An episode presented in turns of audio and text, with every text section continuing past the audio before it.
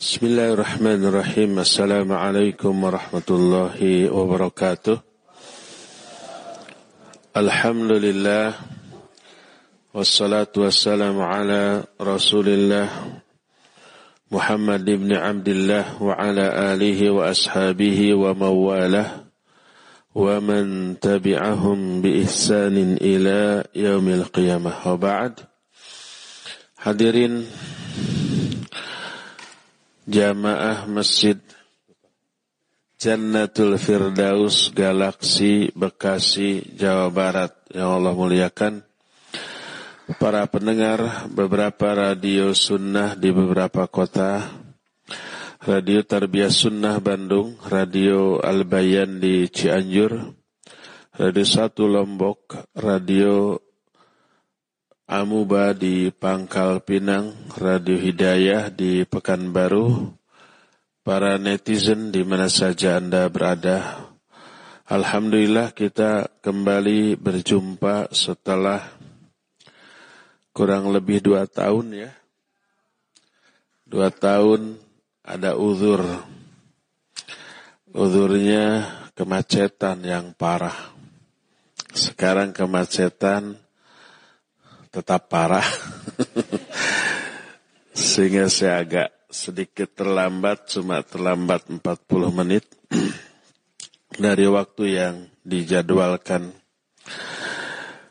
Dulu kita membahas hari kiamat dan sudah pernah membahas tentang neraka dan sampai kepada pembahasan surga.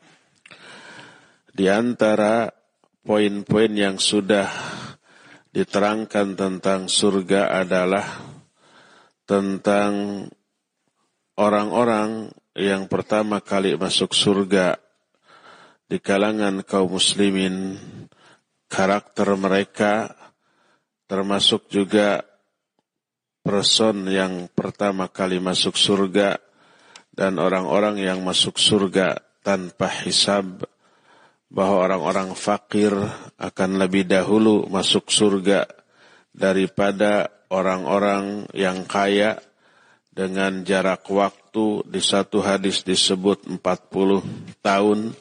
Di hadis lain disebutkan bahwa perbedaan jarak mereka itu 500 tahun.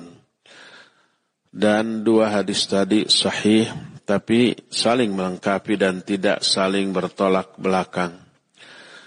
Oleh para ulama dikompromikan kedua hadis tadi bahwa jarak waktu antara orang fakir yang pertama kali masuk surga dengan orang kaya yang terakhir masuk surga jaraknya 500 tahun. Tapi orang fakir atau orang miskin yang terakhir masuk surga dibanding orang kaya yang pertama kali masuk surga jarak waktunya 40 tahun. Salah satu penyebabnya adalah karena hisab. Orang fakir, orang miskin hanya dihisab amal-amal. Tapi tidak ada harta yang dihisab kecuali hanya sedikit sesuai dengan sedikitnya harta yang mereka miliki. Adapun orang-orang kaya, kekayaannya menyebabkan hisab untuk mereka memakan waktu. Semakin kaya, semakin lama. Ya, kita juga sudah membahas tentang keabadian surga. Nah, sekarang kita masuki penjelasan tentang sifatul jannah.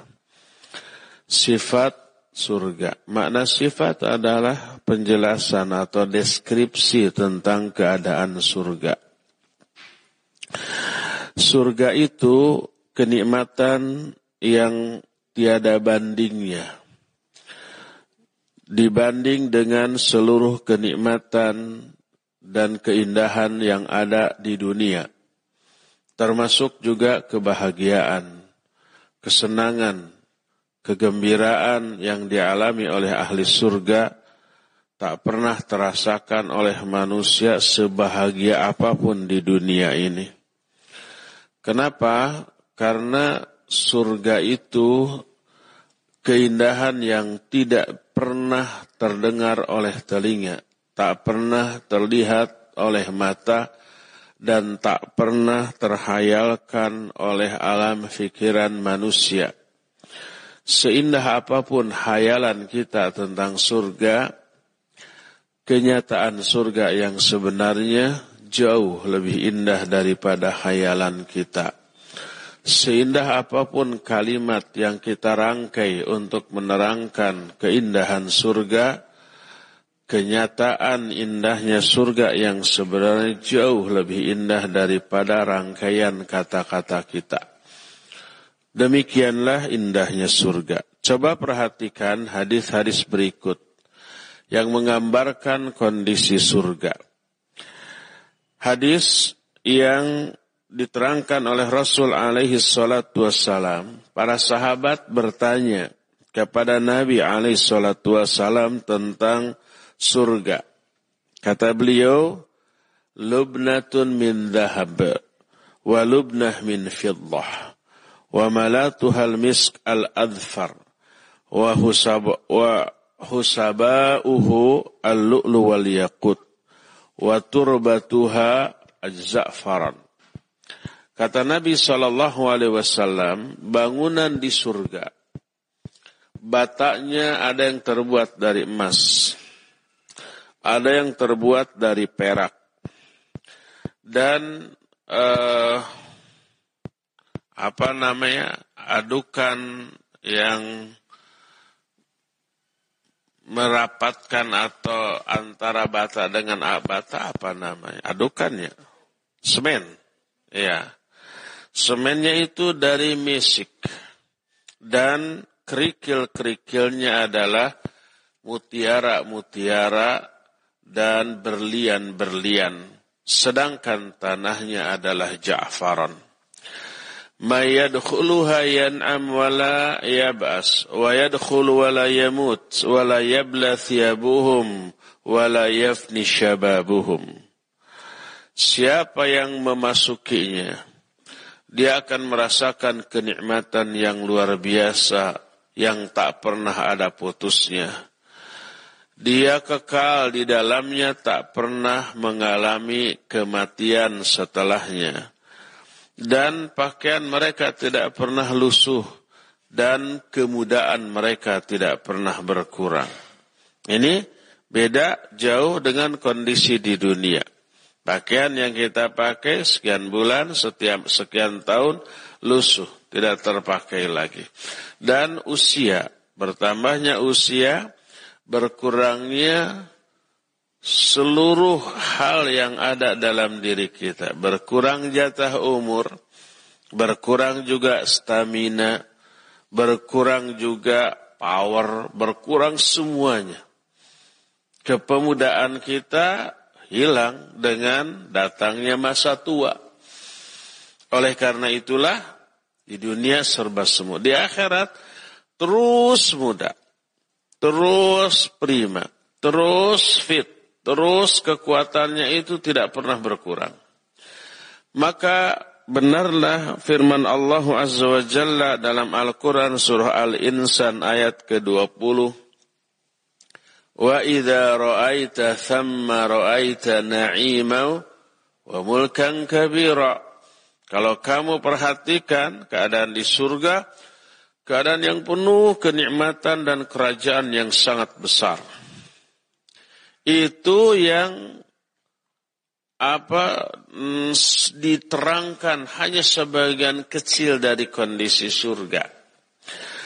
Adapun yang Allah sembunyikan tentang kenikmatan surga.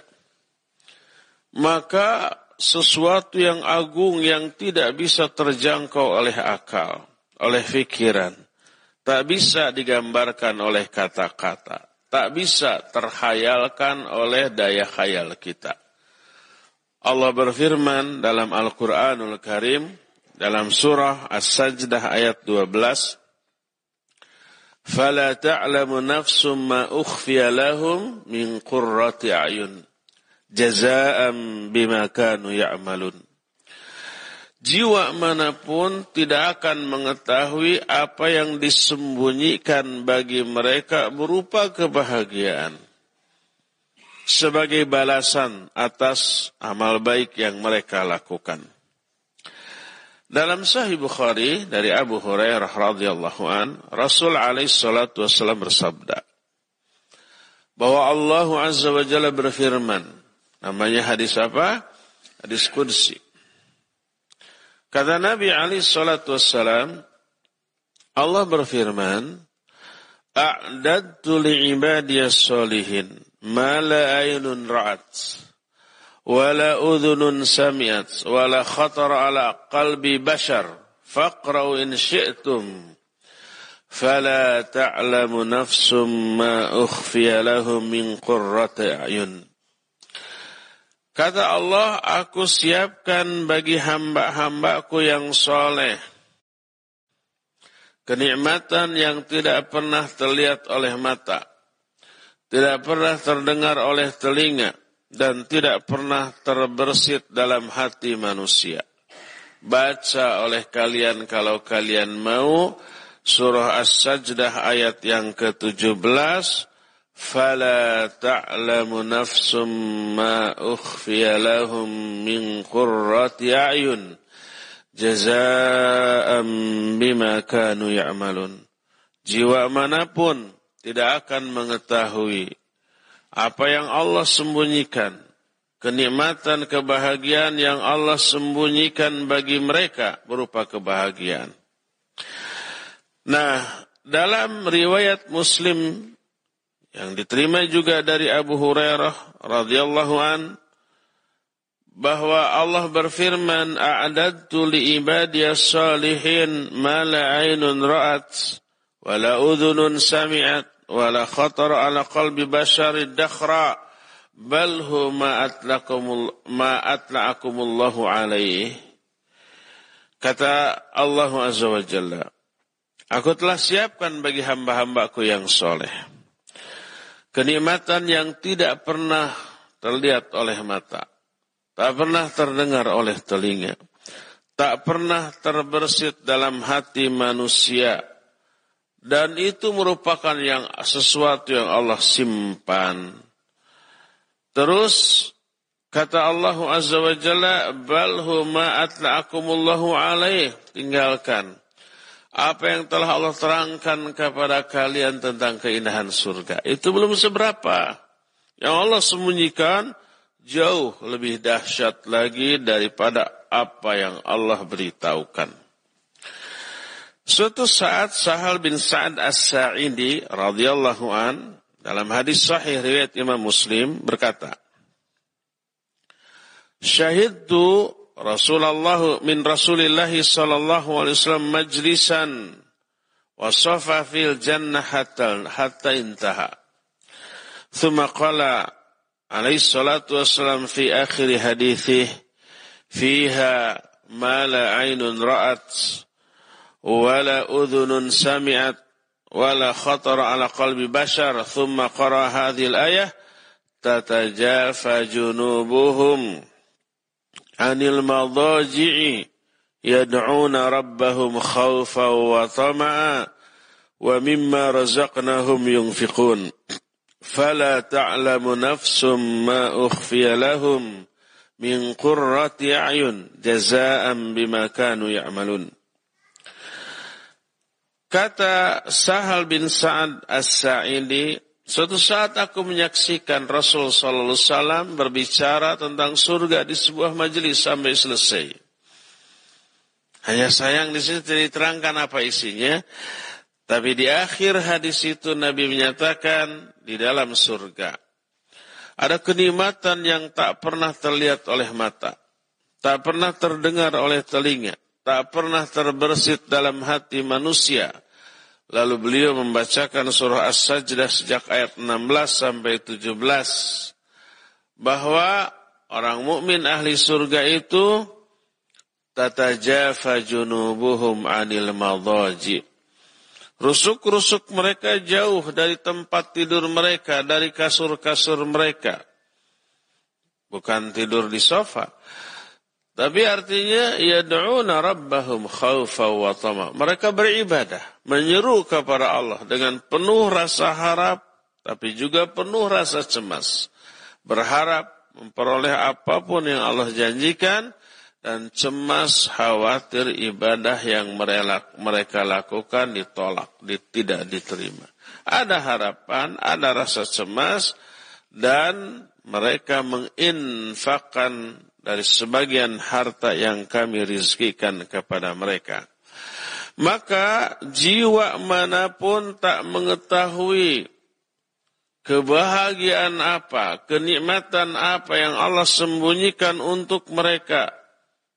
Karena balasan dari apa-apa yang telah mereka lakukan.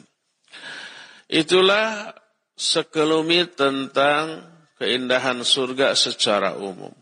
Jadi intinya keindahan surga itu nggak bisa dibayangkan. Saking indahnya. Tak ada kata-kata yang mampu menggambarkannya. Tak ada daya khayal kita yang mampu membayangkannya.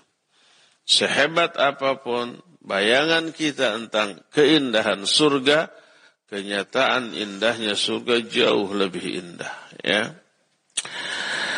Ah, kita sekarang terangkan lebih rinci beberapa keadaan di surga. Pertama, surga itu punya pintu. Pintu tentu saja tempat masuk. Dan jumlah pintu surga ada berapa? Delapan. Kalau pintu surga ada delapan, terus orang masuknya berdesakan dong. Dijawab iya, sebagaimana nanti dijelaskan dalam hadis. Tapi tidak sampai memadaratkan. Allah berfirman tentang adanya pintu-pintu di surga.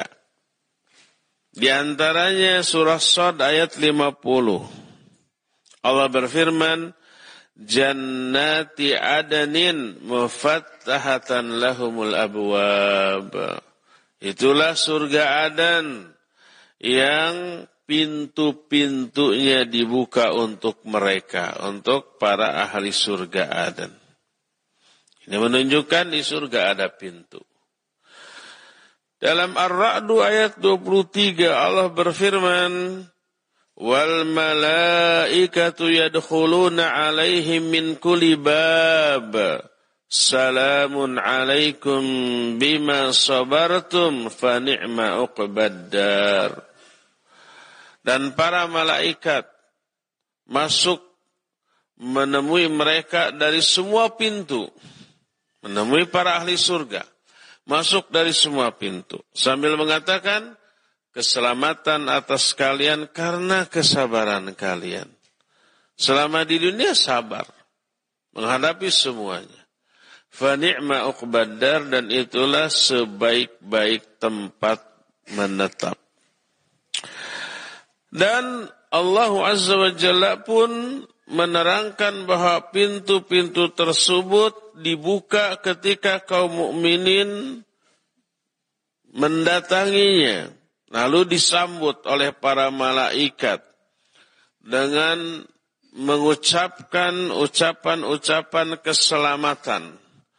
Seperti yang Allah terangkan dalam Az-Zumar 73 hatta idza ja'uha wa futihat abwabuha wa qala lahum khazanatuha salamun alaikum tibtum fadkhuluha khalidin.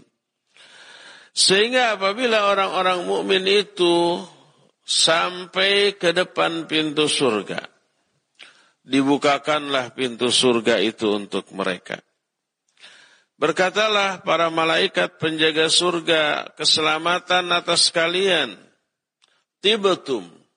Dulu kalian orang-orang baik. Dulu kalian mengamalkan amalan-amalan baik. Fadkhuluha. Silakan kalian memasukinya. Khalidin dalam keadaan abadi. Ya.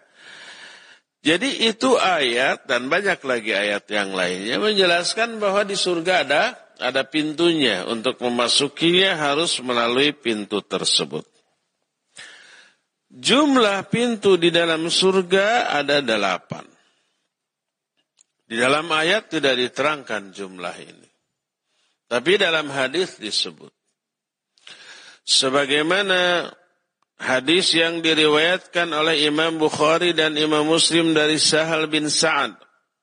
Berkata Rasul alaihi salatu wassalam. Fil jannati thamaniyatu abwab. Babun minha yusamma rayyan. La yadkhuluha illa as-sa'imun fa idza dakhalu ughliqa falam yadkhul ghairuhum. Di dalam surga ada delapan pintu. Di antara pintu itu ada pintu yang disebut dengan sebutan Rayyan. Tidak akan ada yang bisa memasuki pintu itu kecuali orang-orang yang saum. Yang rajin saum, masuknya melalui pintu Rayyan. Kalau semua ahli saum sudah memasukinya, pintu itu ditutup dan tak ada yang bisa memasukinya selain mereka. Itu yang pertama. Jadi delapan pintu surga itu apa saja? Pertama, Rayyan. Untuk siapa? Orang-orang yang saum. Ada lagi pintu sholat. Tapi pintu untuk orang yang memperbanyak sholat ini tidak disebut namanya. Kalau pintu untuk yang saum, Rayyan. Untuk yang sholat tidak disebut. Ada lagi pintu untuk ahli sodakah. Ada lagi pintu untuk para mujahidin fi sabilillah. Sebagaimana dalam hadis yang diriwayatkan dari Abu Hurairah radhiyallahu anhu yang muttafaqun alaih. Muttafaqun alaih itu diriwayatkan oleh siapa? Oleh Bukhari dan Muslim. Sanadnya muttafaqun alaih. Mananya Imam Bukhari meriwayatkan hadis itu dengan sanad yang sama dengan sanad yang diriwayatkan oleh Imam Muslim.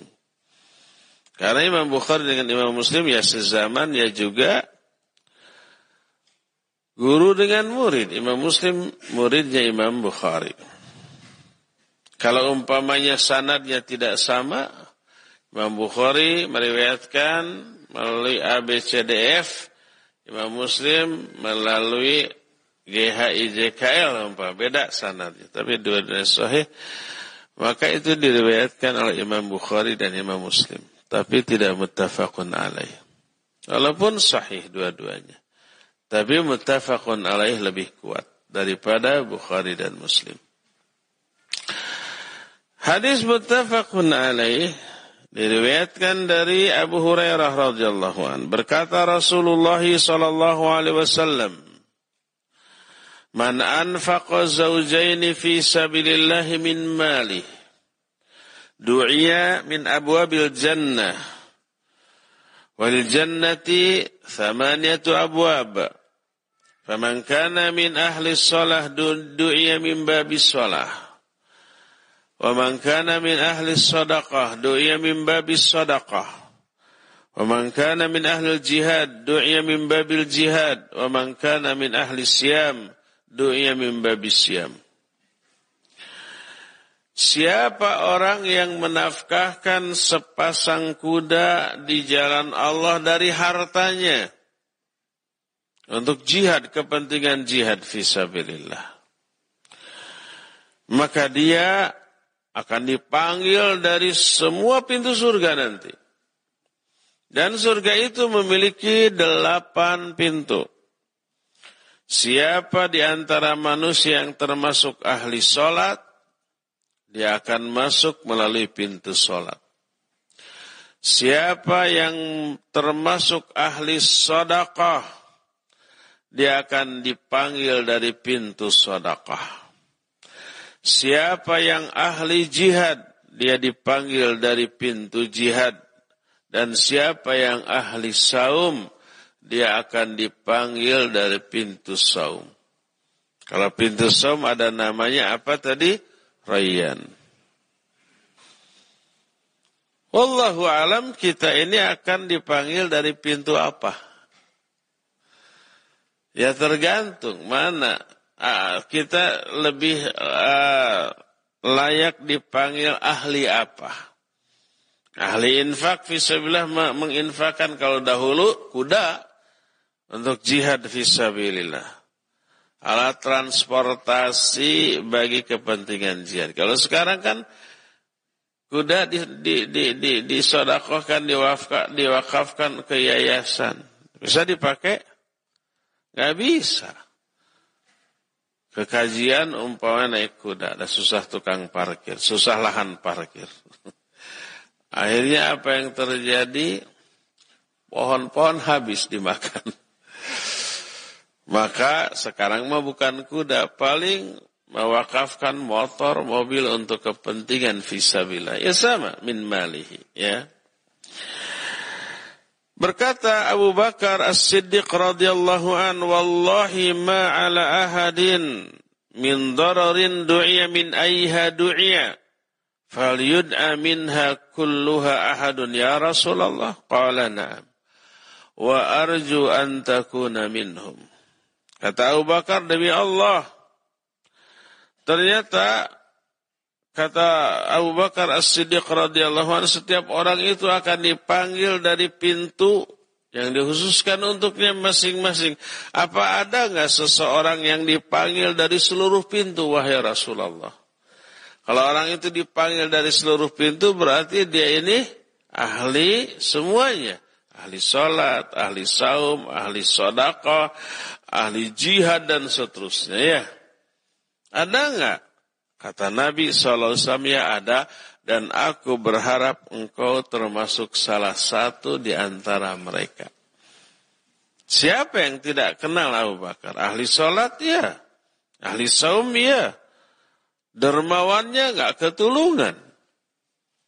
Ketika Nabi SAW menyuruh infak, Umar bin Khattab menyatakan, amarona Rasul sallallahu an natasaddaqa Nabi sallallahu merintahkan kami untuk sedekah.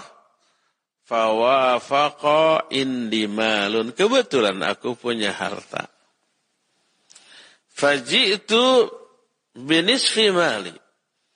Aku datang kepada Nabi wasallam dengan setengah dari hartaku. Hartanya dibagi dua. Setengahnya untuk dia dan dan keluarganya, setengah lagi mau disodakohkan. Dia bilang, hari ini saya akan akan bisa mengalahkan Abu Bakar dalam hal infak. Setengah dari hartanya. Banyak apakah besar? Ya banyak ya besar. Kalau umpamanya total hartanya 100 juta, 50 juta tuh diinfakkan. Terus begitu dibawa Nabi Shallallahu Alaihi Wasallam tercengang ini banyak bingit. Lalu ditanya ma'abqaita li ahlik apa sih yang kamu sisakan untuk keluargamu? Jangan-jangan semuanya ini gitu. Apa Umar bilang? Abqaitu lahum uh, mithlahu. Aku tinggalkan, sisakan untuk keluargaku sebanyak ini pula. Kan dibagi dua tadi ya. Faja Abu Bakrin bi kulli ma indahu tiba-tiba Abu Bakar datang dengan membawa seluruh hartanya. Kalau Umar berapa? 50% dari hartanya. Kalau ini 100%. Ketika ditanya oleh Nabi Ali salatu wasallam, "Ma abqaita li ahlik?" Apa yang kamu sisakan untuk keluargamu? Dijawab, "Abqaitu lahumullah wa rasulah." Aku tinggalkan bagi mereka Allah dan Rasul. Semuanya 100% kalah telak Umar bin Khattab radhiyallahu anhu. Abu Bakar ahli sedekah, ahli salat, ahli saum, ahli jihad, ahli segala kebaikan. Makanya kata Nabi SAW, engkau termasuk salah satu orang yang dipanggil dari semua pintu. Berdasarkan hal itulah maka pertanyaan Abu Bakar As-Siddiq radhiyallahu an menunjukkan bahwa ada orang yang melakukan seluruh jenis kebaikan. Ya sholat, ya saum, ya sodakoh, ya jihad. Nanti yang lain ada amar ma'ruf nahi munkar dan seterusnya. Sehingga orang itu dipanggil dari semua pintu surga yang ada. Dan dia boleh masuk melalui pintu surga mana saja yang dia kehendaki. Terserah dia milih. Mau bolak-balik juga boleh. Diterangkan dalam hadis yang sahih diriwayatkan oleh Imam Muslim dalam sahihnya, juga Imam Ahmad dalam kitab musnadnya. Juga para ahlus sunan, sunan Abu Daud, An-Nasai, At-Tirmidzi dan Ibnu Majah. Dari Amirul Mukminin Umar bin Khattab radhiyallahu an berkata Rasulullah sallallahu alaihi wa alihi wasallam Man tawaddaa ini amalan ini enteng, secara fisik enteng. Hanya berat secara psikis saja. Semua orang mampu melakukannya. Tanpa harus mengeluarkan biaya besar. Tanpa membutuhkan pulsa dan kuota. Tidak harus ada jaringan internet. Tidak sampai terengah-engah. Tidak harus sampai ngos-ngosan. Tidak harus sampai tipe bergeg dan tipe pereket. Tidak mengerahkan tenaga yang besar. Enteng secara fisik. Tapi luar biasa dahsyat efeknya. Kata Nabi Ali salatu wassalam, "Man فأحسن الوضوء ثم رفع بصره إلى السماء فقال أشهد أن لا إله إلا الله وحده لا شريك له وأشهد أن محمدا عبده ورسوله فتحت له أبواب الجنة الثمانية يدخل من أيها شاء Siapa orang yang membaguskan wudhunya, lalu dia angkat kepalanya ke langit. Lalu berkata, Asyhadu an la ilaha illallah wahdahu la syarika lah asyhadu anna muhammadan abduhu wa rasuluh akan dibukakan delapan pintu surga baginya dan dia boleh masuk melalui pintu surga mana saja yang dia kehendaki. Hadis ini hampir semua ulama ahlu hadis meriwayatkan. Imam Bukhari, Imam Muslim, Ashabus Sunan, Imam Ahmad dan yang lain-lain. Hadis ini sahih. Apa maknanya? Apakah setelah kita berwudu lalu berdoa dengan doa yang tadi dibukakan delapan pintu surga itu kita bisa melihat ulu itu surga nggak bulung-bung pintunya? Tidak. Atau hawa surganya berhembus ke kita? Tidak. Apa maknanya? Berkata Syekh Al-Bassam rahimahullah kitab Tawdihul Ahkam Syarah Bulughul Maram. Ketika menerangkan hadis ini, Maknanya adalah ini salah satu penjelasan, salah satu pengundang turunnya hidayah adalah ini. Wudhu membaguskan wudhu lalu berdoa dengan doa yang disyariatkan. Maknanya orang itu akan diberikan hidayah oleh Allah. Dengan hidayah itu dia jadi ahli sholat, ahli saum, ahli sadaqah, ahli jihad, ahli ahmar ma'ruf nahi munkar dan yang lain-lainnya. Termasuk nanti ada pintu yang dihususkan babun lil kadhimin al ghaib. Bab atau pintu untuk orang yang mampu menahan amarah. Itu disediakan pintu khusus. Orang yang berwudu, membaguskan wudunya lalu berdoa dengan doa yang tadi diterangkan, maka akan Allah beri hidayah sehingga dia jadi ahli sholat, ahli saum, ahli sedekah, ahli semua kebaikan sehingga nanti dia boleh masuk ke surga melalui pintu mana saja yang dia suka. Dan dalam hadis yang Mutafakun alaih diterima dari Abu Hurairah radhiyallahu an. Dalam salah satu hadis qudsi Allah berfirman, "Ya Muhammad, adkhil man la hisab alaihi min ummatik min babil aiman. Wa hum syuraka'un nas fil abwabil ukhar. Hai Muhammad masukkan orang yang tak perlu ada hisab dari kalangan umatmu dari pintu sebelah kanan dan mereka adalah orang-orang yang juga berhak melalui pintu-pintu surga yang lainnya. Lalu dijelaskan tentang bagaimana luasnya pintu pintu surga tersebut. Dan ini kemudian yang oleh orang-orang sekarang, para ulama sekarang disebut dengan sebutan ijazul ilmi. Makna ijazul ilmi itu adalah apa ya? Ijazul ilmi itu hasil penemuan ilmiah di zaman modern sekarang ini yang sesuai dengan baik Al-Quran ataupun hadis yang sahih. Zaman dahulu nggak kepikiran.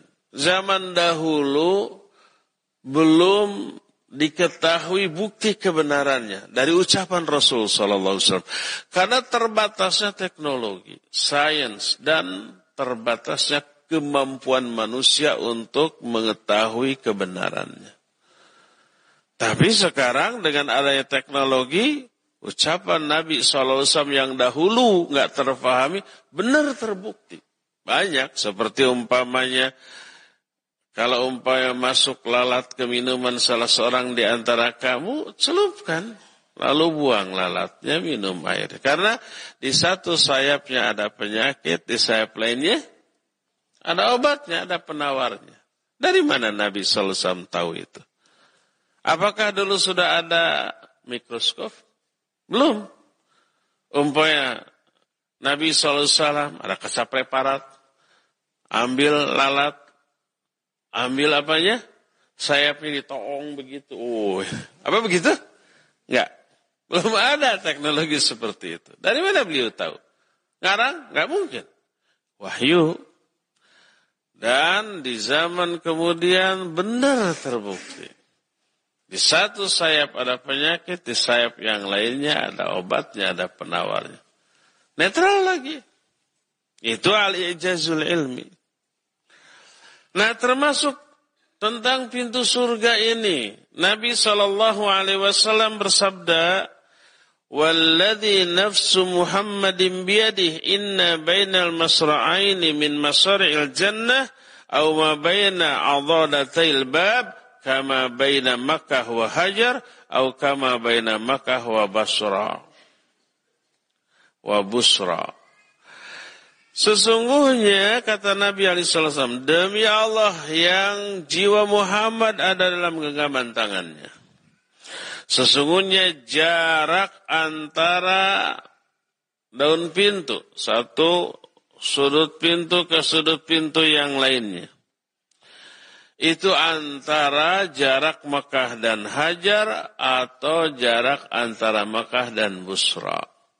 Jadi ada kemungkinan jarak antara Mekah dan Hajar atau Mekah ke Busra.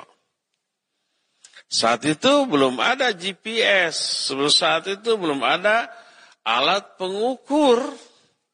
Tapi Nabi SAW berbicara gitu aja. Ternyata sekarang melalui GPS, melalui sains, melalui teknologi, ternyata tepat jarak antara Mekah ke Hajar sama dengan jarak antara Mekah ke Busra. Sekitar seribu, hampir 1300 kilometer jaraknya itu. Sama persis tuh. Yang dahulu orang tidak bisa mengukur Apakah sama nggak jarak antara Mekah ke Hajar dan Mekah ke Busra itu? Dulu orang nggak tahu, cuma dikira-kira. Tapi Nabi SAW sudah mengatakannya. Padahal beliau belum pernah ke sana. Dan sekarang terbukti melalui sains bahwa kedua jarak itu persis sama. Nabi Shallallahu Alaihi Wasallam pun menyatakan, Dalam hadis sahih riwayat Imam Bukhari dan Imam Muslim masih dari Abu Hurairah radhiyallahu an. Idza dakhala syahru Ramadan futihat abwabus sama wa fi riwayat futihat abwabul jannah wa ghuliqat abwabun nar. Bila masuk Ramadan maka dibuka seluruh pintu-pintu surga dan ditutup seluruh pintu-pintu neraka. Dan banyak lagi hadis-hadis yang lainnya yang menjelaskan bahwa di surga itu ada apa? Ada pintu. Ya. Inilah keterangan pertama tentang kondisi surga, ada pintunya. Kedua, surga itu bertingkat-tingkat. Tidak hanya satu tingkat. Tingkatannya amat sangat banyak, saking banyaknya Tak ada orang yang tahu. Allah pun tidak menerangkan seluruh jumlah tingkatan surga. Nabi SAW pun tidak mengatakan berapa seluruh tingkatan surga. Yang jelas ribuan. Sebagaimana nanti akan terungkap di dalam keterangan baik ayat ataupun hadis. Salah satu ayat yang menjelaskan demikian adalah Al-Quran Surah Toha ayat 75. Wa may ya'tihi mu'minan qad amila salihat faulaika lahumud darajatul ula. Siapa orang yang mendatangi Allah dalam keadaan iman dan dia sudah melakukan amal soleh, maka bagi mereka akan memperoleh derajat surga yang tertinggi, tingkatan surga yang tinggi. Dan itu mengisyaratkan bahwa surga itu bertingkat-tingkat. Kenapa demikian? Karena kualitas iman manusia juga bertingkat-tingkat. Amal soleh dan ibadah yang dilakukan oleh manusia apakah sama? Tentu saja tidak sama. Orang sama-sama sholat di tempat yang sama, waktunya sama, gerakannya sama, dipimpin oleh imam yang sama. Umpah di masjid uh, surga Firdaus ini. Eh masjid apa? Jannatul, iya jannat kan surga.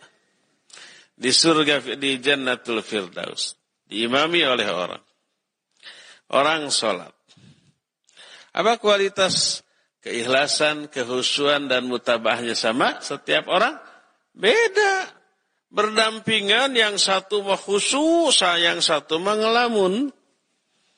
Kualitas sholat mereka seperti langit dan bumi perbedaannya. Ya.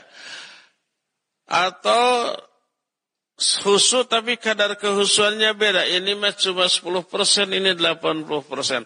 Apakah pahalanya sama?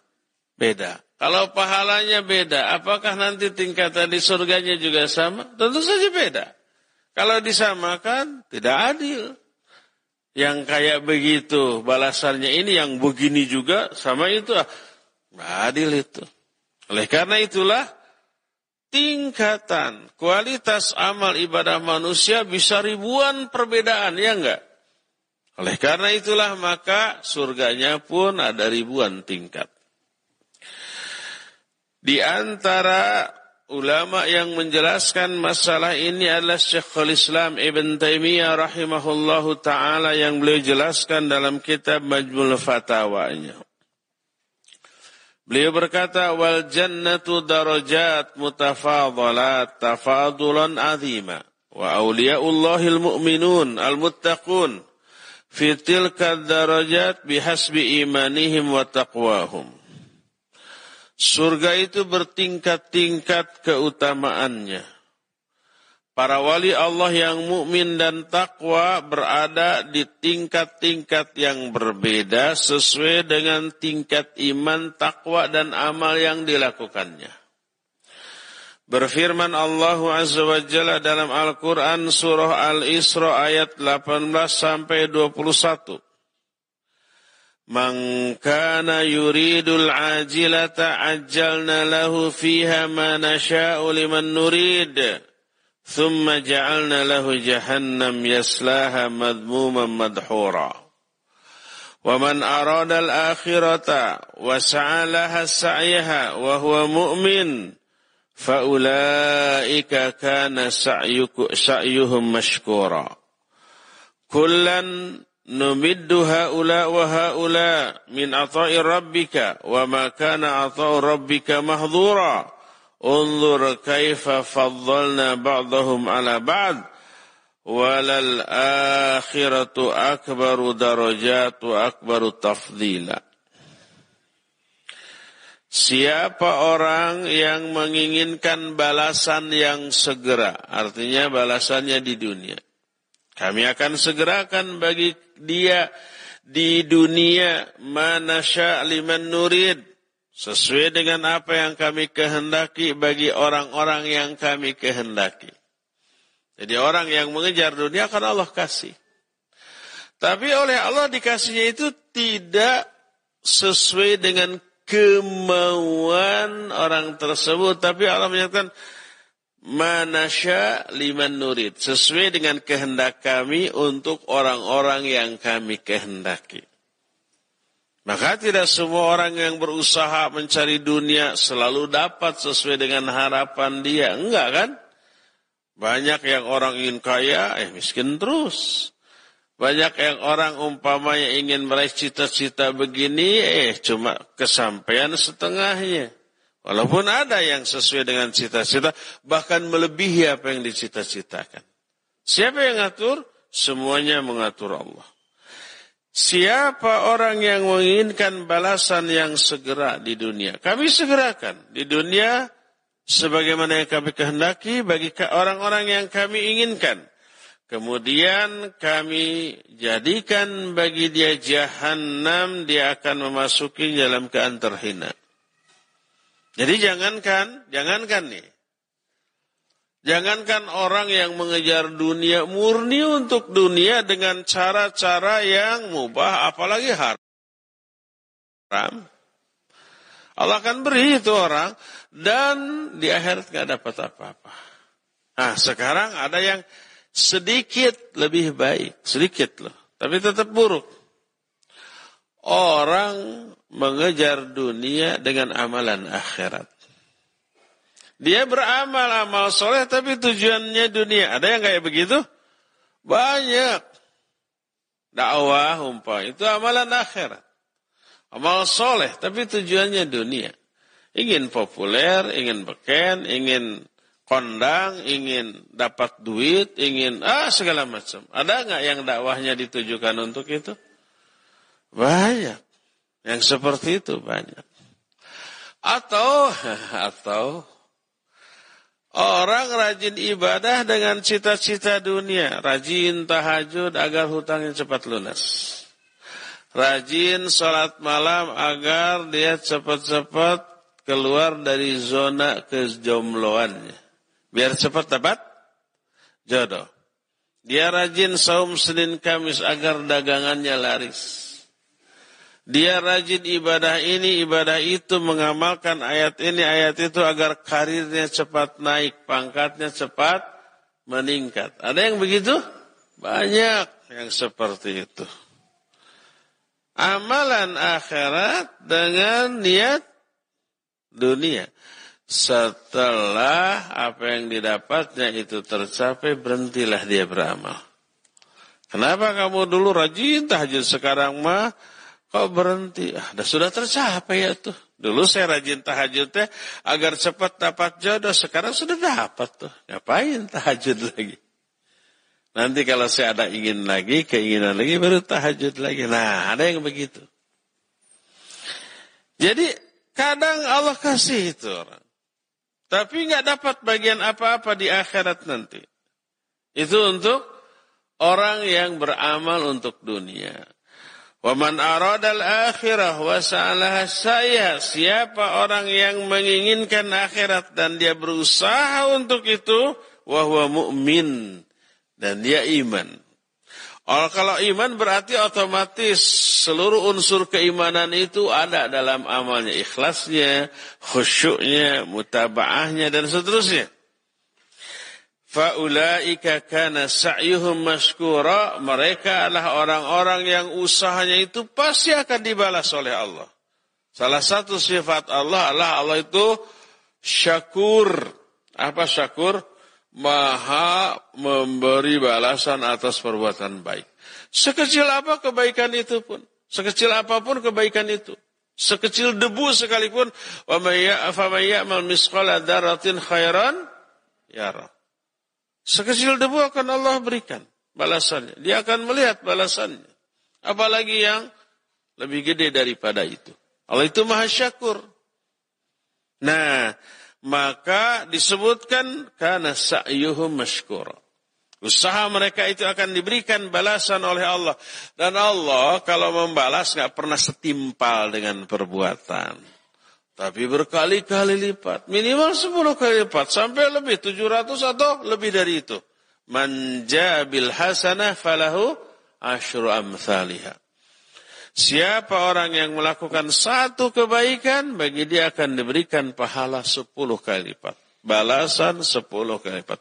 Allah mau bager dermawan ketika memberikan balasan kepada manusia. Wa kullan numidu haula wa haula min ata'i rabbik wa makana ata'u rabbika mahdhura masing-masing dari dua golongan tadi, baik yang beramal untuk dunia ataupun beramal untuk akhirat, kami berikan pemberian dari Rabb, dari Allah subhanahu wa ta'ala. Kami berikan, ini diberi, itu diberi, sesuai dengan keinginannya. Orang yang beramal untuk dunia, Allah beri dunia. Allah yang uh, Orang yang beramal untuk akhirat, Allah berikan akhirat dan Allah berikan dunia. Double tuh, dua-duanya dapat. Ya, dan pemberian Allah itu tidak akan pernah terhalang. Lalu di akhir ayat ini Allah menyatakan, "Unzur kaifa faddalna ba'dahum 'ala ba'd." Lihat bagaimana kami melebihkan sebagian mereka di atas sebagian yang lain. Tapi apa yang Allah katakan di akhir ayat? Walal akhiratu akbaru darajat wa akbaru tafdila tapi di akhirat ada tingkatan yang jauh lebih dasar, lebih besar dan lebih utama. Kejar tingkat keutamaan di akhirat. Kalau di dunia kita ingin setinggi mungkin mencapai cita-cita, kalau di militer kita ingin jenderal bintang 4 gitu, di polisi juga begitu, kalau di perusahaan ingin menjadi dirut gitu, itu kan posisi puncak ya. Kalau di apa uh, departemen ingin menjadi paling tinggi departemen menteri, menteri ya, ini menteri paling puncak tuh. Itu untuk dunia. Eh untuk akhirat seadanya, ya. Bahkan nggak kepikiran akhirat bagaimana nanti aja. Nggak di planning. Kepikiran pun nggak diingat pun, ya akhirat bagaimana nanti. Yang penting sekarang ini nih. Kan begitu rata-rata orang. Ini yang keliru. Mesti yang di planning itu harusnya kehidupan di akhirat karena itulah yang abadi, yang selama-lamanya dan bukan sementara. Jadi di dalam ayat itu Allah menjelaskan bahwa Allah memberi orang-orang yang beramal untuk dunia di dunia dan Allah berikan orang yang beramal untuk akhirat diberikan dunia dan akhirat. Lalu Allah lebih mengiming-imi walal akhiratu akbaru darajat wa akbaru tafdila. Di akhirat tuh yang harus dikejar. Ketinggian derajat di akhirat itu jauh lebih utama untuk dikejar daripada ketinggian derajat di dunia ini juga. Dalam hadis yang sahih diriwayatkan oleh Imam Muslim dari Abu Hurairah radhiyallahu anhu. Berkata Rasulullah sallallahu alaihi wasallam, ini menjelaskan tentang bertingkat-tingkatnya kadar iman dan kadar amal manusia di dunia. Otomatis balasannya juga tidak boleh keluar dari zona keadilan Allah, sifat adilnya Allah. Sesuailah dengan tingkat mereka masing-masing. Kalau tingkat iman, tingkat amal berbeda, balasannya pasti berbeda. Dan perbedaan tingkat iman dan amal bisa ribuan perbedaan, ya enggak? Maka balasan di surganya juga harus sedetil itu. Berkata Rasul sallallahu alaihi wasallam al-mu'minul qawiyyu khairun wa habbu ila Allah minal mu'minid dha'if wa fi kullin khairun. Seorang mukmin yang kuat lebih baik dan lebih dicintai oleh Allah dibanding mukmin yang lemah. Tapi di masing-masing mukmin tadi ada kebaikan. Mukmin yang kuat ada kebaikan, mukmin yang lemah juga ada kebaikan karena ada iman di dalamnya. Cuma kadarnya pasti ber, berbeda. Ini menunjukkan tingkatan level iman manusia berbeda-beda. Walaupun perbedaannya tipis, tapi tetap berbeda dan perbedaan tingkatan iman melahirkan kualitas dan kuantitas amalan yang berbeda pula. Maka balasannya tidak sama. Kalau amal berbeda tapi balasannya sama, adil apa tidak? Tidak adil tentu saja. Maka keadilan Allah itu tidak akan pernah luput dari aspek ini. Pasti mutabak. Mutabak itu ter, ter, ter, terwujud, teraplikasi. Pasti balasan bagi orang yang iman dan amalnya utama akan berbeda dengan balasan orang iman dan amalnya di bawah itu keutamaannya. Berdasarkan hal itulah maka berbedalah. Lihat ayat yang terdapat di dalam Al-Qur'anul Karim ya. Allah berfirman, "La yastawi min minkum man anfaqa min qablil fathi wa qatal ulaika a'zamu darajatan min alladhina anfaqu min ba'du wa qatalu wa kullu wa'adallahi husna Kata Allah Azza wa Jalla Tidaklah sama di antara kalian orang yang berinfak sebelum futuh Mekah dan berperang. Mereka lah orang-orang yang lebih tinggi derajatnya daripada orang-orang yang berinfak setelah futuh Mekah dan berperang. Wa kulla wa'adallahil husna masing-masing dua golongan itu Allah sediakan balasan kebaikan. Sama-sama infak dan perang, tapi kondisi berbeda. Antara sebelum ditaklukkannya Mekah dengan setelah ditaklukkannya Mekah. Kondisi kaum muslimin sebelum futuh Mekah berat. Ada musuh yang nyata di Mekah. Orang-orang kafir Quraisy yang sering kali mengadakan serangan. Terjadinya perang badar terjadinya perang Uhud, terjadinya perang Khandak atau perang Ahzab, itu dengan orang-orang kafir Quraisy kan ya. Oleh karena dan kondisi kaum muslimin masih lemah. Kondisi kaum kafir sangat kuat. Maka orang yang infak, jihad dalam kondisi lemah. Kekuatan ekonominya rendah Jumlah orangnya sedikit. Harus berperang. Pengorbanannya lebih tinggi. Ulaika a'zamu darajah. Mereka lebih tinggi derajatnya minalladzina anfaqu min ba'du wa qatalu dibanding orang yang berperang dan berinfak setelah hijrah, setelah futuh Mekah. Kalau setelah futuh Mekah, Mekah ditaklukkan dan mayoritas orang kafir Quraisy di Mekah masuk Islam. Sehingga jumlahnya berlipat, ya. Dan beban psikis jauh berkurang karena musuh nyata di di Mekah kafir Quraisy sudah tunduk, sudah takluk, sudah menjadi kawan, menjadi sahabat, menjadi saudara, menjadi ikhwan, menjadi orang yang akan saling membantu dengan mereka. Jadi beban psikisnya apa? Lebih ringan, lebih enteng. Bahkan memberi support yang banyak. Sekarang pasukan kita banyak. Belasan ribu pasukan kaum muslimin setelah ditaklukkannya kota Mekah. Terus otomatis dari aspek kemampuan ekonomi finansialnya meningkat. Maka pengorbanan baik berupa infak dan perang setelah Futuh Mekah lebih kecil dibanding sebelum Futuh Mekah. Maka nilainya berbeda. Allah menyatakan la yastawi minkum man anfaqa min qabl fathi wa qatal ulaika a'zamu darajatan min alladhina anfaqu min ba'du wa qatalu wa kullu wa'adallahu al-husna.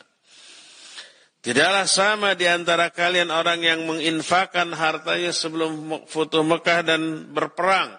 Mereka lah lebih tinggi derajatnya dibanding orang yang berinfak setelah Futuh Mekah dan berperang. Tapi masing-masing Allah siapkan balasan. Tentu saja balasannya berbeda antara yang satu dengan yang kedua. Nah, ini semuanya menunjukkan perbedaan kualitas iman dan kualitas amal serta kuantitasnya otomatis nanti balasannya berbeda otomatis surga yang Allah siapkan bagi mereka juga berbeda-beda tingkatannya dan perbedaan mereka mencapai ribuan tingkat. Oleh karena itulah maka di surganya pun ada banyak ribuan tingkat ya Sebanyak apa sebenarnya tingkatan di surga insya Allah kita akan jelaskan bulan depan. Sekarang mah sudah habis, sudah lewat 10 menit dari waktu yang kita tetapkan. Kita tidak bisa berlama-lama. Bongana tadi antum datangnya telat 40 menit. Jadi weh kitanya juga telat ya. Kita sisakan waktu untuk bertanya jawab. Wassallallahu ala nabiyina Muhammadin wa ala alihi wa ashabihi wasallam. Silakan. Assalamualaikum warahmatullahi wabarakatuh. Assalamualaikum. Saya tadi disampaikan bahwa pintu itu, pintu surga itu ada beberapa macam. Uh, apakah diperkenankan kita memfokuskan umpamanya hanya dengan amalan khusus saja untuk masuk pintu surga, pintu puasa kita banyakin puasa aja gitu Ustaz. Terima kasih Ustaz. Assalamualaikum. Waalaikumsalam warahmatullahi Iya, pertanyaan yang bagus. Barakallahu fiq. Boleh nggak kita memfokuskan satu jenis ibadah? Minimal yang penting masal masuk surga aja lah ya. Tingkatan mana pun nggak peduli. Serendah-rendah tingkatan di surga pasti lebih lebih enak, lebih nikmat dibanding senikmat-nikmat di dunia. Makanya kita fokuskan satu aja umpamanya sesuai dengan yang paling kita inginkan umpamanya kita banyak uang sedekah aja. Terus sedekah. Yang lainnya diabaikan. Boleh apa tidak? Kalau yang dimaksud yang lainnya diabaikan itu tidak dikerjakan, tidak boleh. Karena yang lainnya kewajiban. Karena kita kaya raya, kita terus infak, sodakoh, bangun masjid, bangun pesantren, nyumbang ke yayasan-yayasan dakwah setiap ada pesantren yang dibangun. Berapa? 10 miliar, bikin 20 miliar. Nih dari saya umpamanya. Tapi sholat tidak. Saum tidak. Jihad tidak Amar ma'ruf nahi munkar tidak. Yang begitu mengakan ke surga. Karena apa? Karena dosa meninggalkan sholat, meninggalkan saum Ramadan, tak bisa tertutupi oleh apa pun, termasuk oleh infak dan sodako sebanyak apa pun. Oleh karena itulah, yang dimaksud dengan bahwa seseorang akan dipanggil sesuai dengan spesifikasi amalnya, maksudnya amal yang paling menonjol pada dirinya tanpa mengabaikan kewajiban yang lainnya. Umpamanya dia sholat sebatas uh, batas minimal sholat yang diterima, tidak berlebih-lebihan. Saumnya juga begitu. Tapi untuk infak dan sodakoh luar biasa dia. Lebih menonjol dari aspek itu. Tapi dia tidak ada aspek dosa dalam hal sholat karena sholatnya terpenuhi. Saum juga Ramadan begitu. Haji juga sudah dia laksanakan. Tapi tidak begitu menonjol. Yang lebih menonjolnya adalah sodakah. Maka dia akan dipanggil dari pintu surga untuk orang yang bersodakah.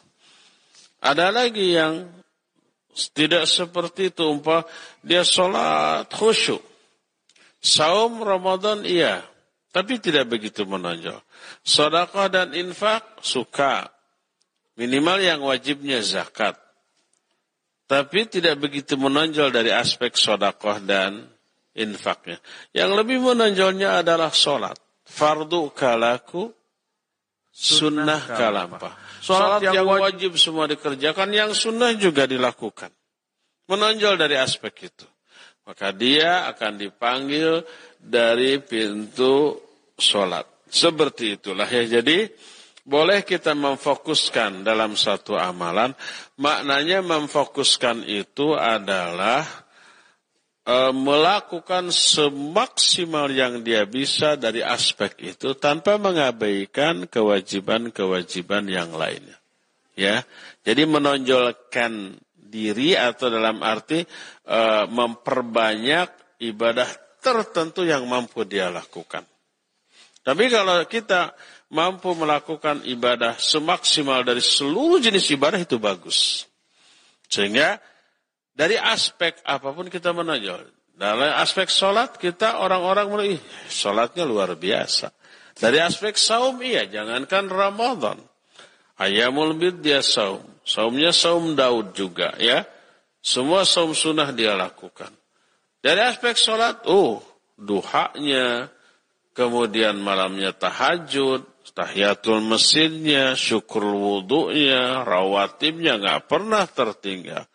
Dari aspek infak dan sodaka, wah nggak ada satupun momen untuk berinfak dan bersodaka kecuali pasti dia keluar uang di, di dalamnya.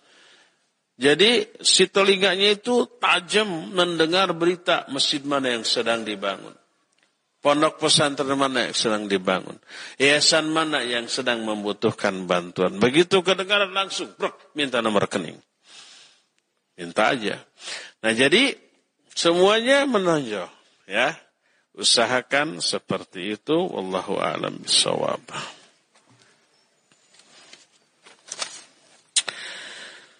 Dalam kondisi kesehatan dan usia yang berbeda dalam berhaji, Apakah ini juga membedakan tingkatan pahala?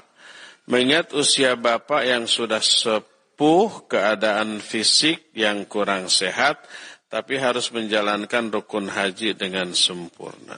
Taib. La yukallifullahu nafsan illa usaha. Ya. Allah itu tidak pernah membebani seseorang dengan kewajiban kecuali sesuai dengan kemampuannya. Jadi kalau ketika haji, karena kemampuan yang terbatas, dia tidak bisa melakukan, tapi selalu ada solusi dari syariat. Umpamanya tawaf. Tidak bisa, kecuali harus didorong ya dorong. Apalagi sekarang ada ada skuter. Jadi enak kayak main bom-bom kar gitu. Kalau umpamanya tawaf dalam musim haji itu seputaran karena karena apa namanya? Karena padatnya seputaran bisa 15 menit sampai 20 menit. Kali 7 bayangkan. Tapi kalau pakai skuter paling 20 menit total beres. Batur mah orang lain mah seputaran teh 20 menit itu 7 putaran sudah 20 menit. Sudah selesai. 7 putaran. Sampai ada pernah jamaah saya yang berkata, Ustaz sudah selesai tujuh putaran, tapi masih ingin boleh nggak tiga putaran lagi, tapi tidak dengan niat tawaf. Ini main-main aja. Ada yang begitu tuh. Sampai seperti itu ya. Ada kursi roda, ada ojek, ojek roda untuk tawaf dan saya bahkan sekarang ada skuter. Ya, bayarnya Cuma 100 real untuk tawaf, untuk dua orang. Kalau dengan sa'inya e, 200 real untuk dua orang. Murah. Tidak capek, tidak lelah. Malah senang ingin lagi, ingin lagi. Selalu ada solusi. Kalau umpamanya waktu jumroh, karena panas, karena jauh, karena berdesak-desakan, tidak mampu, bisa diwakilkan. Selalu ada solusi, ya. Jadi minimalnya sah ibadah hajinya, sempurna pahalanya, dan kadar pahala yang diberikan sesuai dengan kadar penderitaan yang dialami. Karena kondisi sudah sepuh, sudah ngedrop, sudah kurang fit, dengan cuaca yang panas saja dia sudah mengalami penderitaan, maka penderitaan yang dialami lebih besar daripada penderitaan yang dialami oleh orang yang sehat, maka pahalanya juga beda. Dosa yang gugur juga beda. Sama-sama kepanasan. Sama-sama eh, apa namanya merasakan kegerahan. Tapi kadar penderitaannya berbeda antara yang fit dengan yang tidak fit. Antara yang antara yang muda dengan yang sepuh. Kalau yang muda mah panas segini, ah ini mah biasa, gitu ya. Nggak begitu menderita. Tapi bagi orang yang kurang fit, wah panas begini itu luar biasa. Menguras energi, stamina, sampai lemes. Nah, penderitaannya lebih besar, maka pahalanya lebih besar. Al-ajru ala al-qadril ala qadril masyakkah. Pahala itu akan diberikan sesuai dengan kadar penderitaan dalam ibadah ya. Jadi bagi yang sepuh asal syaratnya rukunnya wajib hajinya terpenuhi sah berpahala dan kadar pahalanya akan disesuaikan dengan kadar penderitaan yang dialami selama haji. Wallahu a'lam.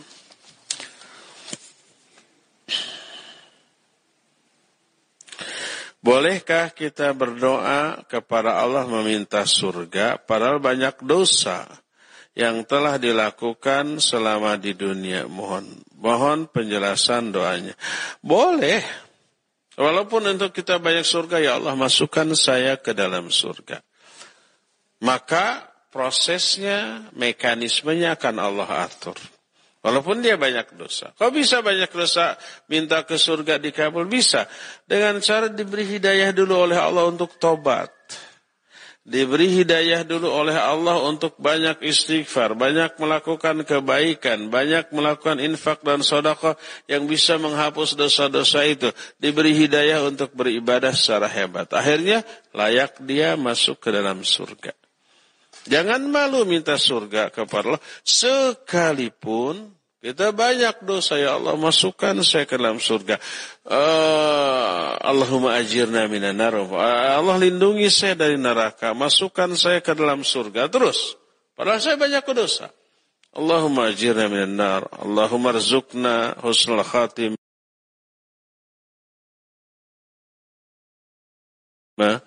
Wajalna birahmatika min ahlil jannah. Gitu. Para banyak dosa. Tidak umpah, ya Allah ampuni saya. Ya Allah hapuslah dosa-dosa saya. Tidak begitu. Tapi jauhkan saya dari api neraka. Lindungi saya dari api neraka. Masukkan saya ke dalam surga. Dengan rahmatmu. Kalau kita banyak dosa. Mungkin dikabul? Mungkin. Bagaimana caranya? Ah, Allah nanti akan mengatur mekanismenya. Diberilah hidayah untuk bertobat. Diberilah hidayah untuk melakukan amalan penghapus dosa. Diberilah hidayah untuk melakukan amal-amal soleh dan yang sejenisnya. Ya, Jangan malu untuk minta dijauhkan dari api neraka kepada Allah dan minta dimasukkan ke dalam surga oleh Allah. Selebihnya nanti Allah yang mengatur. Salah satunya nanti Allah berikan hidayah untuk bertobat. Mana yang lebih utama? Mematuhi suami yang belum memberi izin untuk berniqab atau tetap menjalankan keinginan mengenakan niqab. Wallahu a'lam bisawab. Niqab ini adalah amal fardiyah. Amal individu. Sama dengan sholat, sama dengan saum, sama dengan menjauhi uh, perkara yang dilarang. Nah, kalau si ahwat ini berkeyakinan setelah menelaah secara objektif berkeyakinan bernikah wajib. Karena bernikah ini ikhtilaf di kalangan para ulama. Ada yang mewajibkan, ada yang mensunnahkan. Jadi ikhtilafnya itu antara wajib dan sunnah bukan wajib dan haram atau dengan mubah bukan. Tapi antara wajib dan sunnah. Otomatis pakai nikab pasti dianggap baik oleh kedua belah pihak. Ya, pasti dianggap baik oleh kedua belah pihak. Nah, sekarang setelah dan ahwat di dalam memilih pendapat mana, jangan berdasarkan hawa nafsu. Ah, saya mau pilih yang sunnah saja. Nah, ini yang tidak beresiko. Dan ini yang resikonya lebih kecil, bukan tidak berisiko berjilbab tanpa niqab gaya. Tapi ini lebih kecil dan lebih enteng, lebih ringan. Makanya saya pilih pendapat ini. Itu berarti memilih pendapat berdasarkan hawa nafsu. Nggak boleh. Telah kedua-duanya. Dalilnya apa? Yang itu dalilnya apa? Objektif. Lalu pilih mana pendapat yang menurut kita lebih kuat. Amalkan itu. Ya. Kalau akhwat hasil menelaah berkeyakinan niqab adalah wajib. Kalau membukanya adalah berdosa, maka dia wajib berniqab sekalipun suami, orang tua, atau siapa pun melarangnya. Karena ini muamalah dia dengan Allah, mematuhi perintah Allah. Kata suami buka. Enggak, ini kewajiban pribadi saya. La ta'ata li makhluqin Fi maksiatil khalik. Tidak boleh mentaati makhluk dalam bermaksiat kepada khalik. Ya. Jadi bilang ke suami, saya berkeyakinan wajib. Ini dalilnya gimana tuh? Nih, gitu. Gak bisa dipaksa. Kalau saya buka, saya dosa. Ya. Dan pengalaman membuktikan begitu saya membuka, orang-orang itu banyak terkena madarat fitnah. Betapa banyak orang yang ke rumah sakit gara-gara saya buka wajah. Kau bisa gimana? Begitu berpapasan pakai motor, muter terus jedak, nabrak. Gitu ya. Karena wajah saya menarik. Karena wajah saya ini magnet bagi pandangan laki-laki. Sebab gimana? Atau gelis nakawanti-wanti endah nakabina-bina. Artinya cantik banget gitu ya. Tak ada seorang pun yang menang wajah saya kecuali kejedot. Karena muter terus. Lebih baik nabrak daripada lepas dari pandangan wajah saya. Banyak korban ke rumah sakit gitu. Itu baru dunia tuh, apalagi akhirat. Hmm? Maka izinkan, apa biarkan. Jangan paksa saya, saya tetap akan menutup. Kalau berkeyakinan wajib.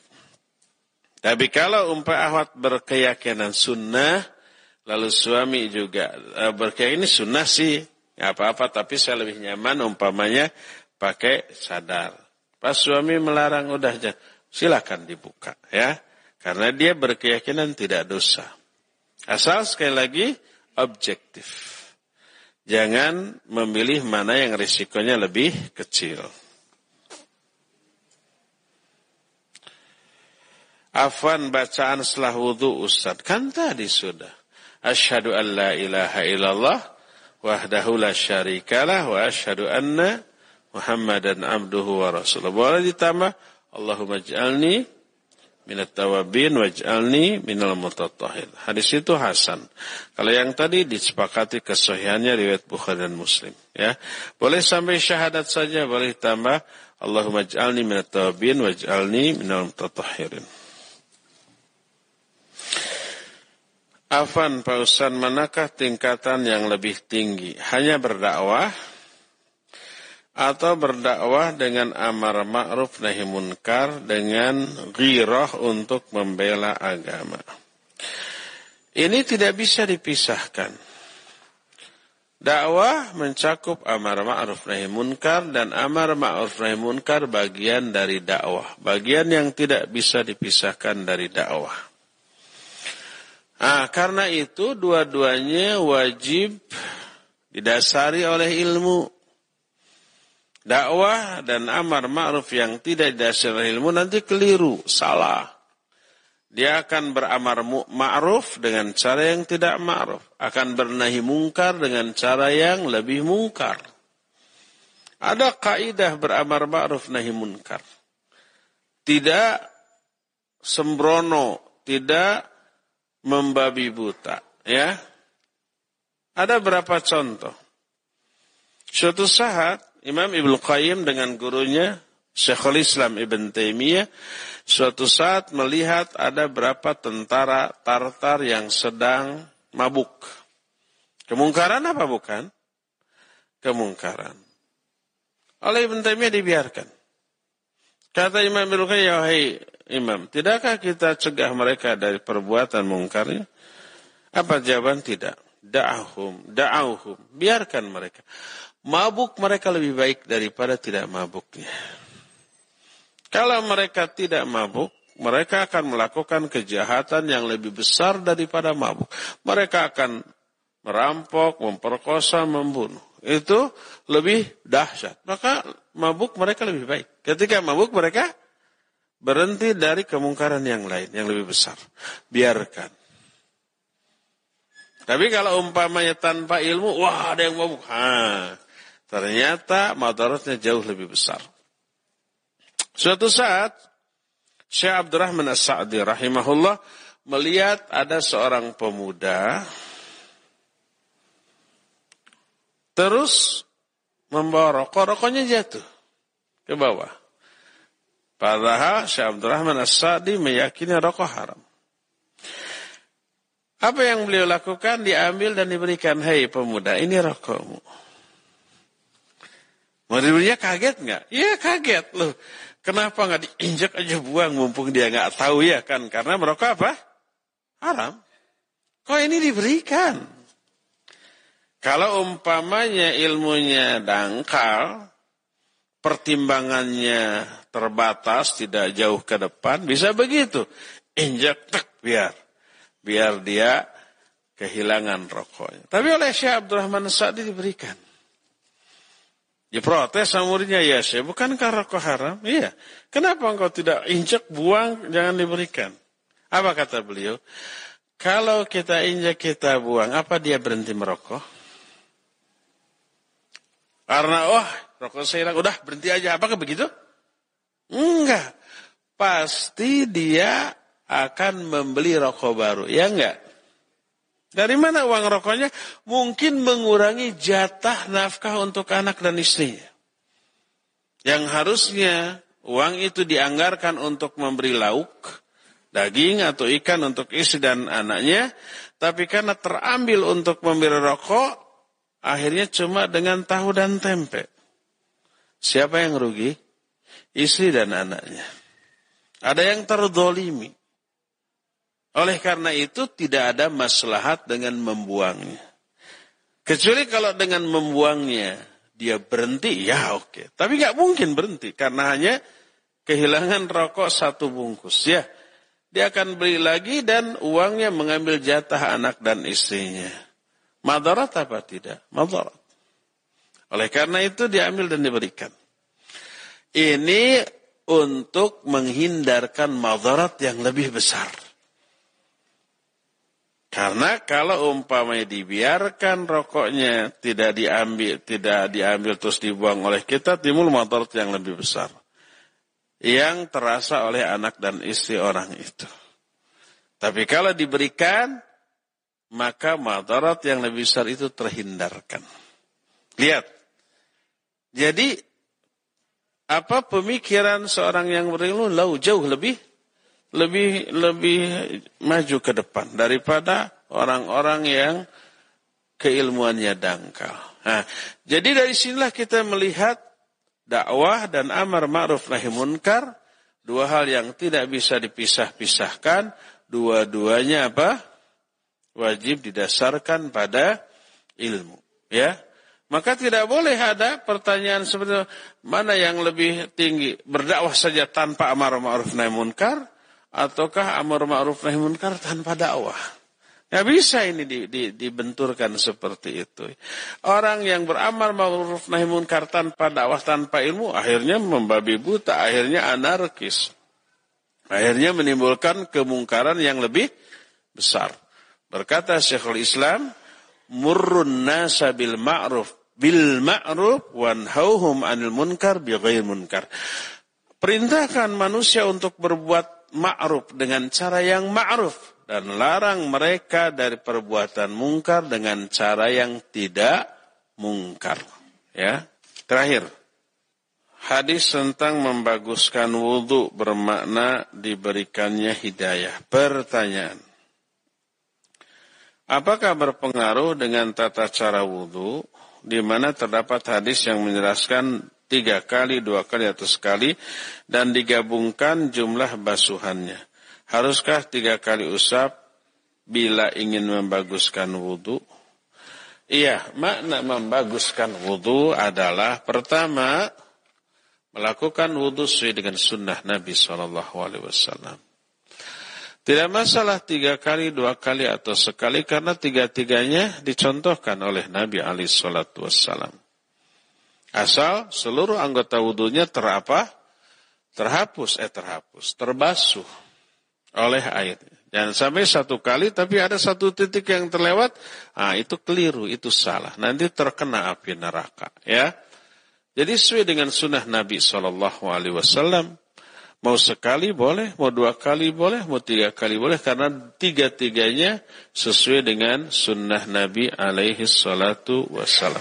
Tapi kalau digabungkan atau apa di, di, dicampur aduk, di mix nggak boleh. Yang ini satu kali, yang itu dua kali, yang lain tiga kali. Sesuai selera nggak, ya. Kalau satu kali, semua satu kali. Kalau dua kali, semua dua kali. Kalau tiga kali, semua tiga kali. Kecuali dalam perkara anggota wudhu yang diusap hanya sekali. Apa yang diusap?